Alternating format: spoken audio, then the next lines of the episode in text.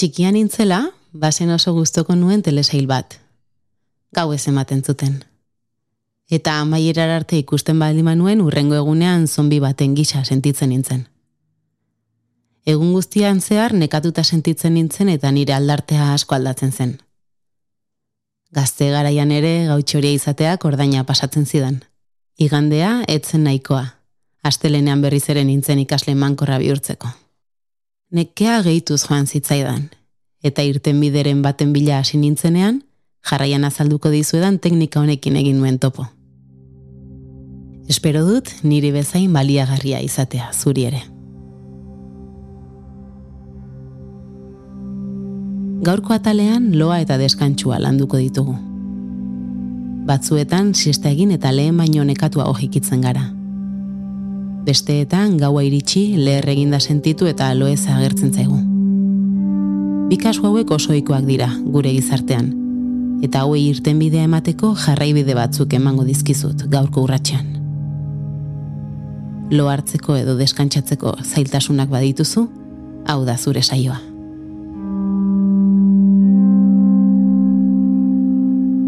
Naomi Mendizabal naiz eta elkarrekin emango dugu gaurko urratsa.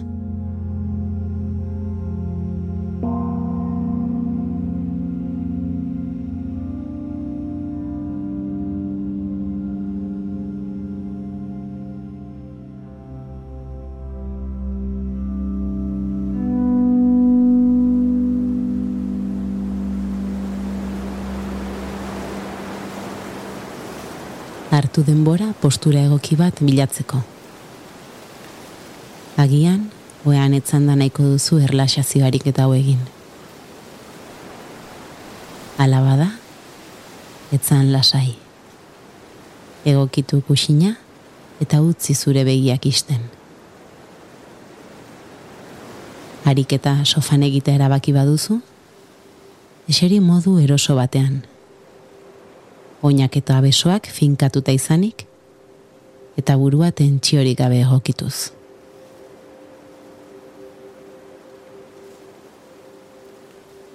Gorputzaren temperaturak behera egitea ohikoa da. Beraz, izan alboan edo tabota gainetik manta edo estalkiren bat. Behin postura topatu duzunean, ikusi nola sentitzen zaren.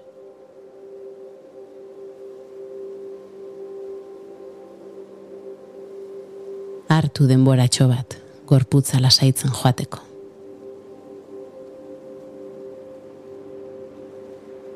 Posible bazaizu, utzi hankak eta besoak gorputzaren alboan luzaturik. Eskuak gora begira daudela.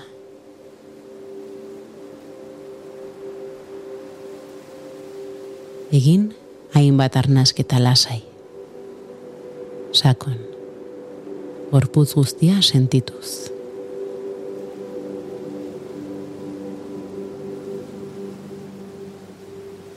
Sentitu nola mugitzen den arnasketa zugan. Ez saiatu kontrolatzen. Ez saiatu luzatzen. Utzi arnasketari izan behar duena izaten mugitu nahi duen modura mugitzen.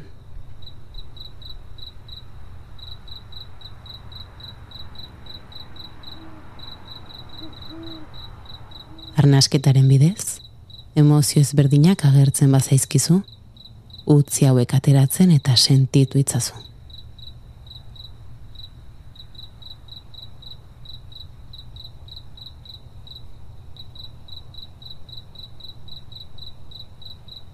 Saioak irauten duen bitartean, saiatu begiak itxita mantentzen, eta argi gutxiko inguru epel batean izaten.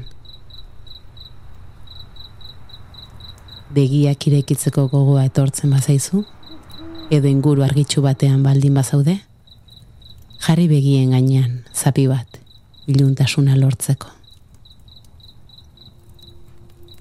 Az gaitezen.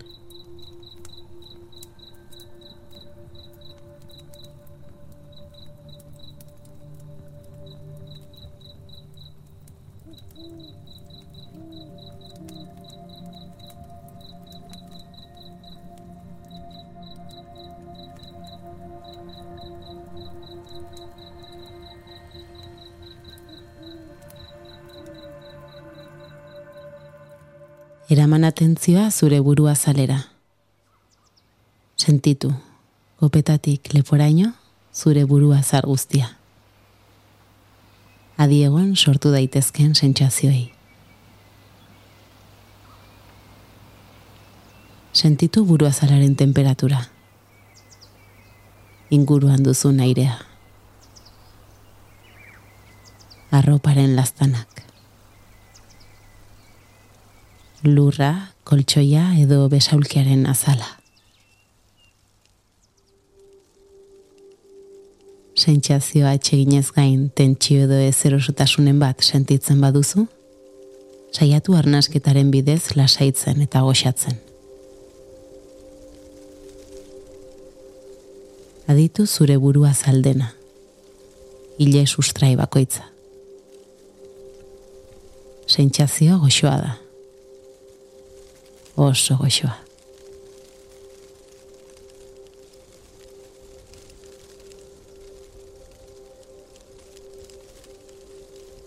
jarraitu modu honetan eta adi orain zure kopetari. Askotan, tentsio asko sortzen eta gordetzen dugu kopetan. Leundu zure kopeta. Askatu zimurrak. Artu arnaz eta lasaitu. Jabetu nola zure betazalak begien gainean pausatzen diren presiorik sortu gabe. Sentitu zure betazalak tentsiorik gabe. Lasai. Adi, sortu daitezken sentsazioi.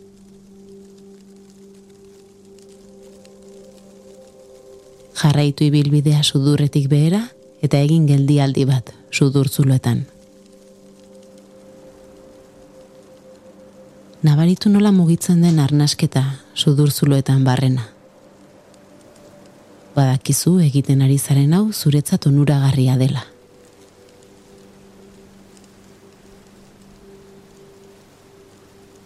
Gorputzeko atal bakoitza sentitzen zoazen bitartean, zure arnasketa lasaitzen doa.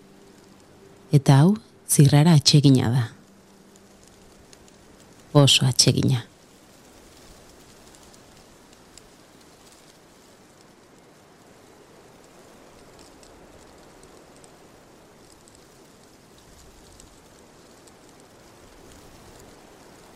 eraman atentzio orain zure espainetara. Sentitu zure espainak tentsiori gabe. Euren artean presiorik sortu gabe.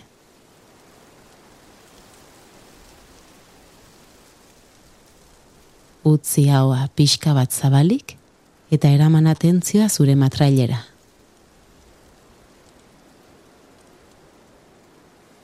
Sentitu B matraila aske. be matrailan ere tentsio asko gordetzen dugu.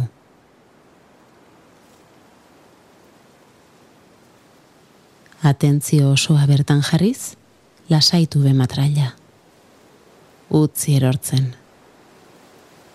Utzi askatzen.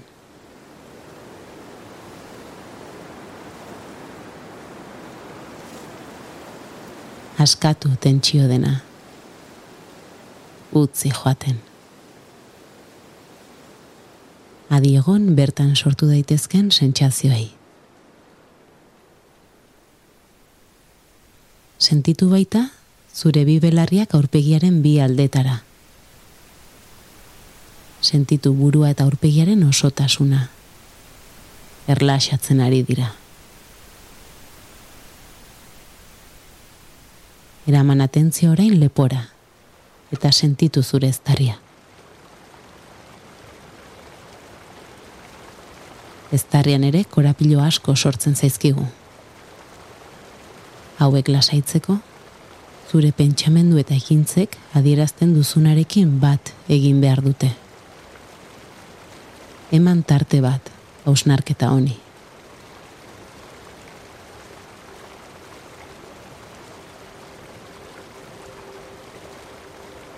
Jarraian, eraman atentzioa zure besoetara.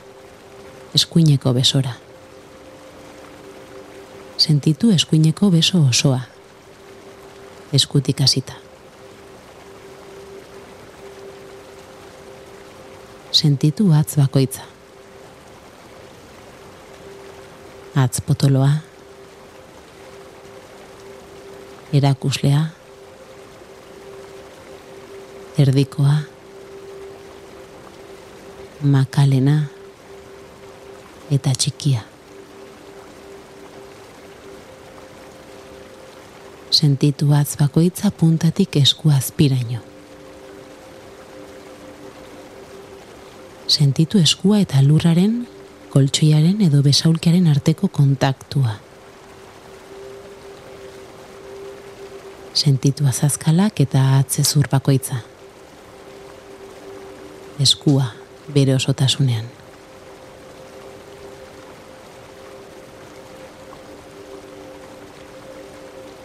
orain artekoa primeran egin duzu.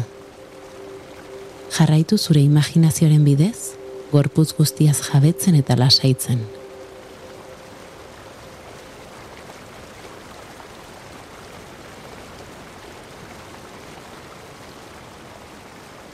Jarraitu zure besoa eskumuturretik gora ditzen.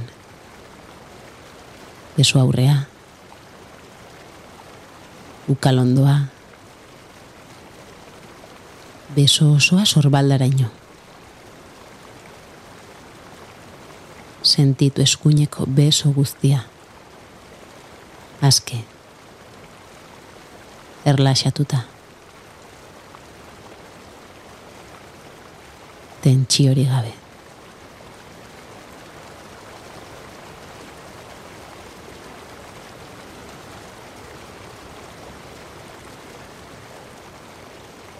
jarraitu ezkerreko besoarekin. Eskutik hasita. Aditu atz bakoitza. Atz potoloa. Erakuslea. Erdikoa. Makalena. Eta txikia. sentitu atz bakoitza puntatik esku azpiraino. Eskua eta lurraren edo koltsoiaren arteko kontaktua. Sentitu azazkalak eta atzezur bakoitza. Sentitu eskua bere osotasunean.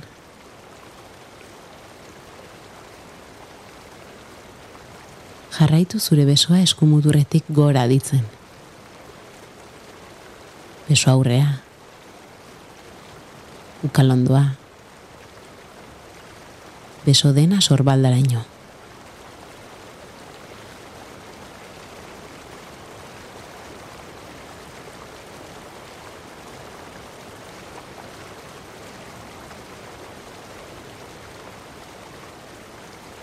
Aditu, ea zure sorbaldak modu egokian nabari diren. Ea eroso dauden edo tentsiorik sentitzen duten. Zuzendu zure atentzio osoa gorputzaren goialdera. Sentitu zure bularra. Kaxatorazikoa. Diafragma. Ez egin aldaketarik, ez esfortzurik, sentitu, besterik ez.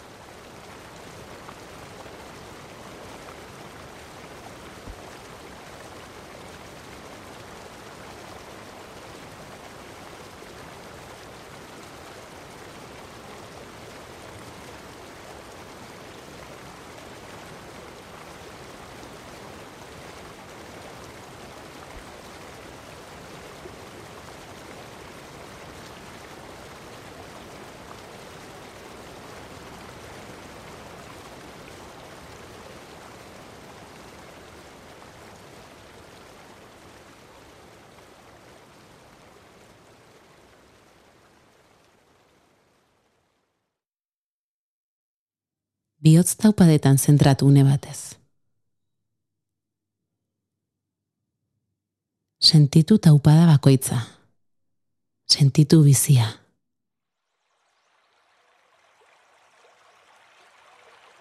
Zure espazioa, zu eta zure bihotz taupadek besterik ez dute osatzen.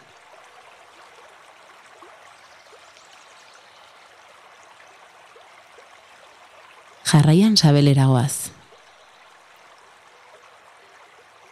Sentitu sabela eta barruko esteak. Sentitu hauen funtzionamentua eta mugimendua. Sentitu nola zure imaginazioaren bidez, atal bakoitza lasaitzen eta askatzen doan. Sentipen hau lasaigarria da. Oso lasaigarria. Eta hon egiten dizu.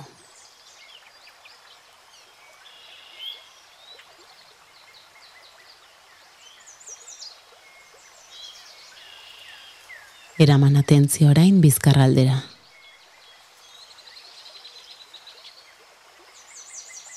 sentitu zure bizkarraren egoera.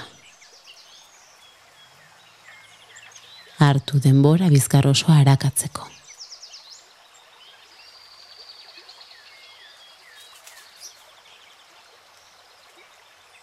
Bizkar horno bakoitzera eraman atentzioa. Goitik bera, somatu horno bakoitza.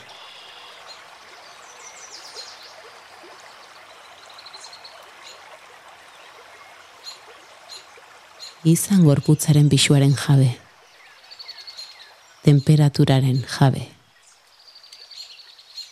Emozioen jabe.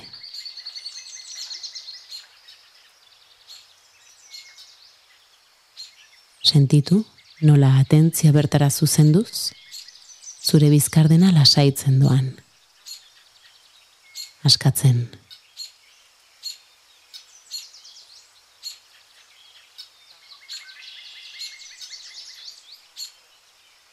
jarraian eraman atentzio dena zure zoru pelbikora eta ipur masailetara.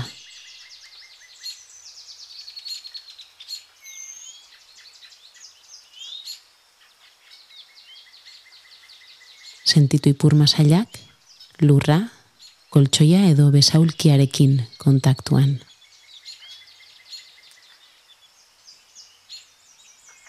Sentitu aldakak, ipur masailak eta zoru pelbiko inguru guztia lasai.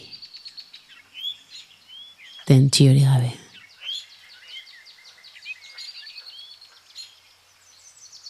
Joan pixkanaka jaisten eskuineko iztarretik behera. Sentitu bertako giar guztiak. Aurre aldetik eta atze aldetik.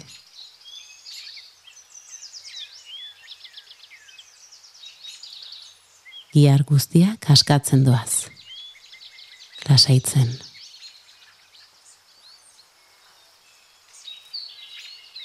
Sentitu eskuineko belauna. Eta ikusi bertan sor daitezken sentsazioak.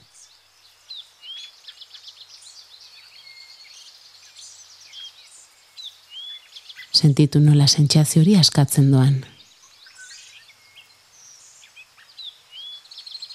mantendu adi eta jarraitu berantz. Orpora iritsi zara.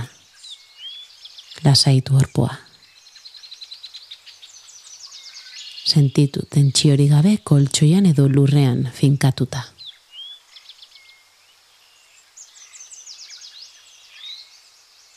Sentitu hankazpia. Oinbularra oineko ezurrak eta bertako behatzak. Hasi behatz potolotik eta pasa banan banan behatz bakoitzetik. Lehenengoa, bigarrengoa, hirugarrena, laugarrena eta azkena sentitu behatz bakoitza bere osotasunean. Ez egin mugimendurik. Arreta mantendu. Sentitu nola lasaitzen den hanka osoa.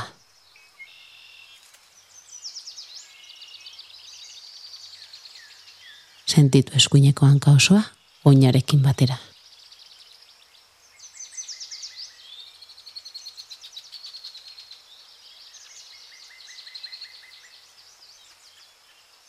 Atentzio osoa mantenduz, joan ezkerreko hankara.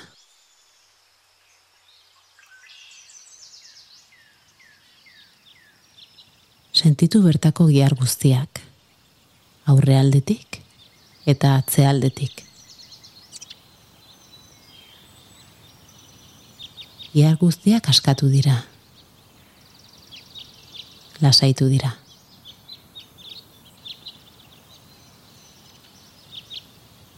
Sentitu ezkerreko belauna eta aditu bertan sor daitezkeen sentsazioak.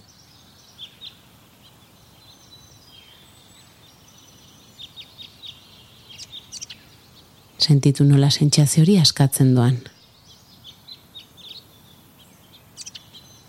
Mantendu adi eta jarraitu beherantz.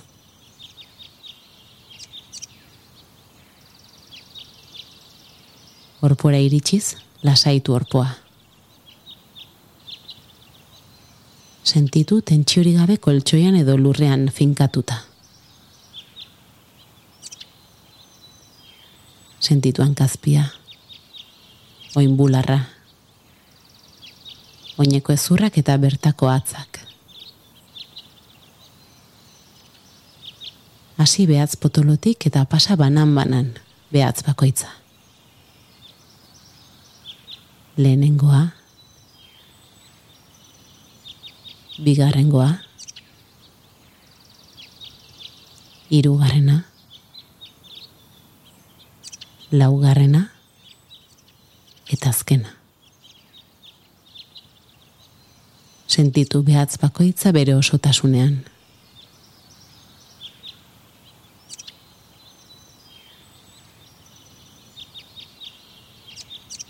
Ez egin mugimendurik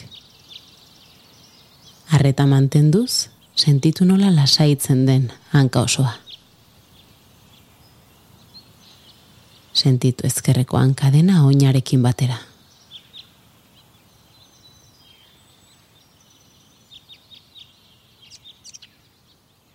Hartu denboratxo bat zure gorputz guztiaren gaineko ikusmira bat egiteko.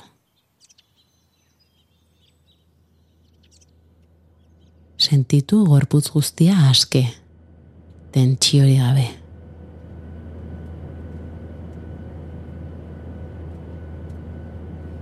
Sentitu zure arnasketaren joan etorri naturala eta mantendu adi gorputzeko sentsazio berrietara.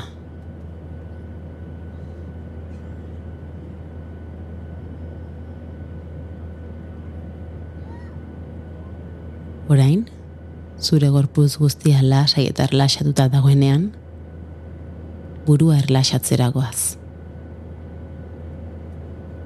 Imaginatu zure buruan botoi txiki bat duzula.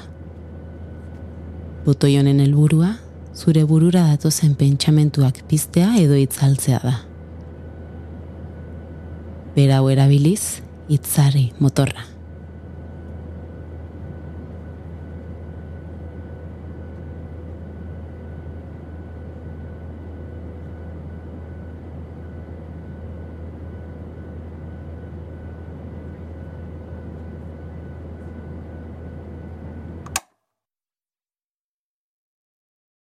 Utzi zure pentsamentuak kanpoan eta gelditu une batez zure gorputzeko sentsazioak sentitzen.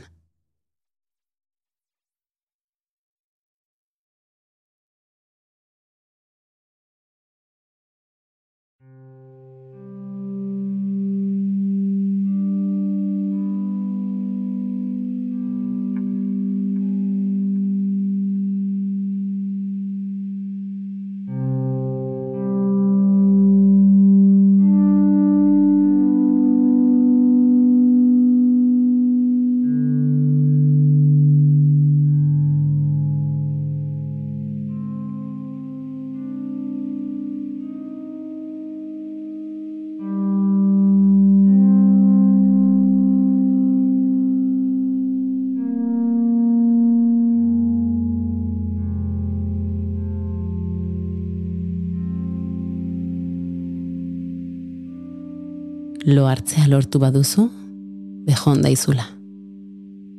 Deskantxoak hartzaitzala bere baitan goizer arte.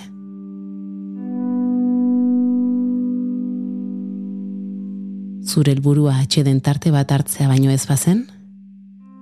Hasi pixkanaka zure gorputza makal mugitzen.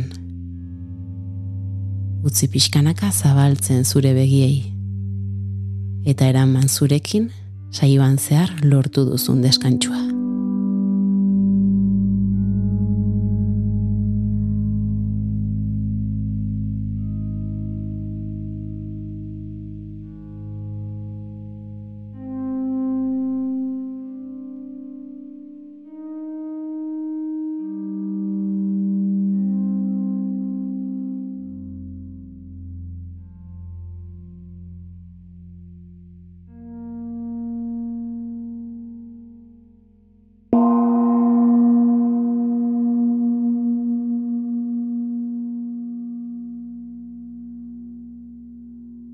Naomi Mendizabal naiz eta urratsa da.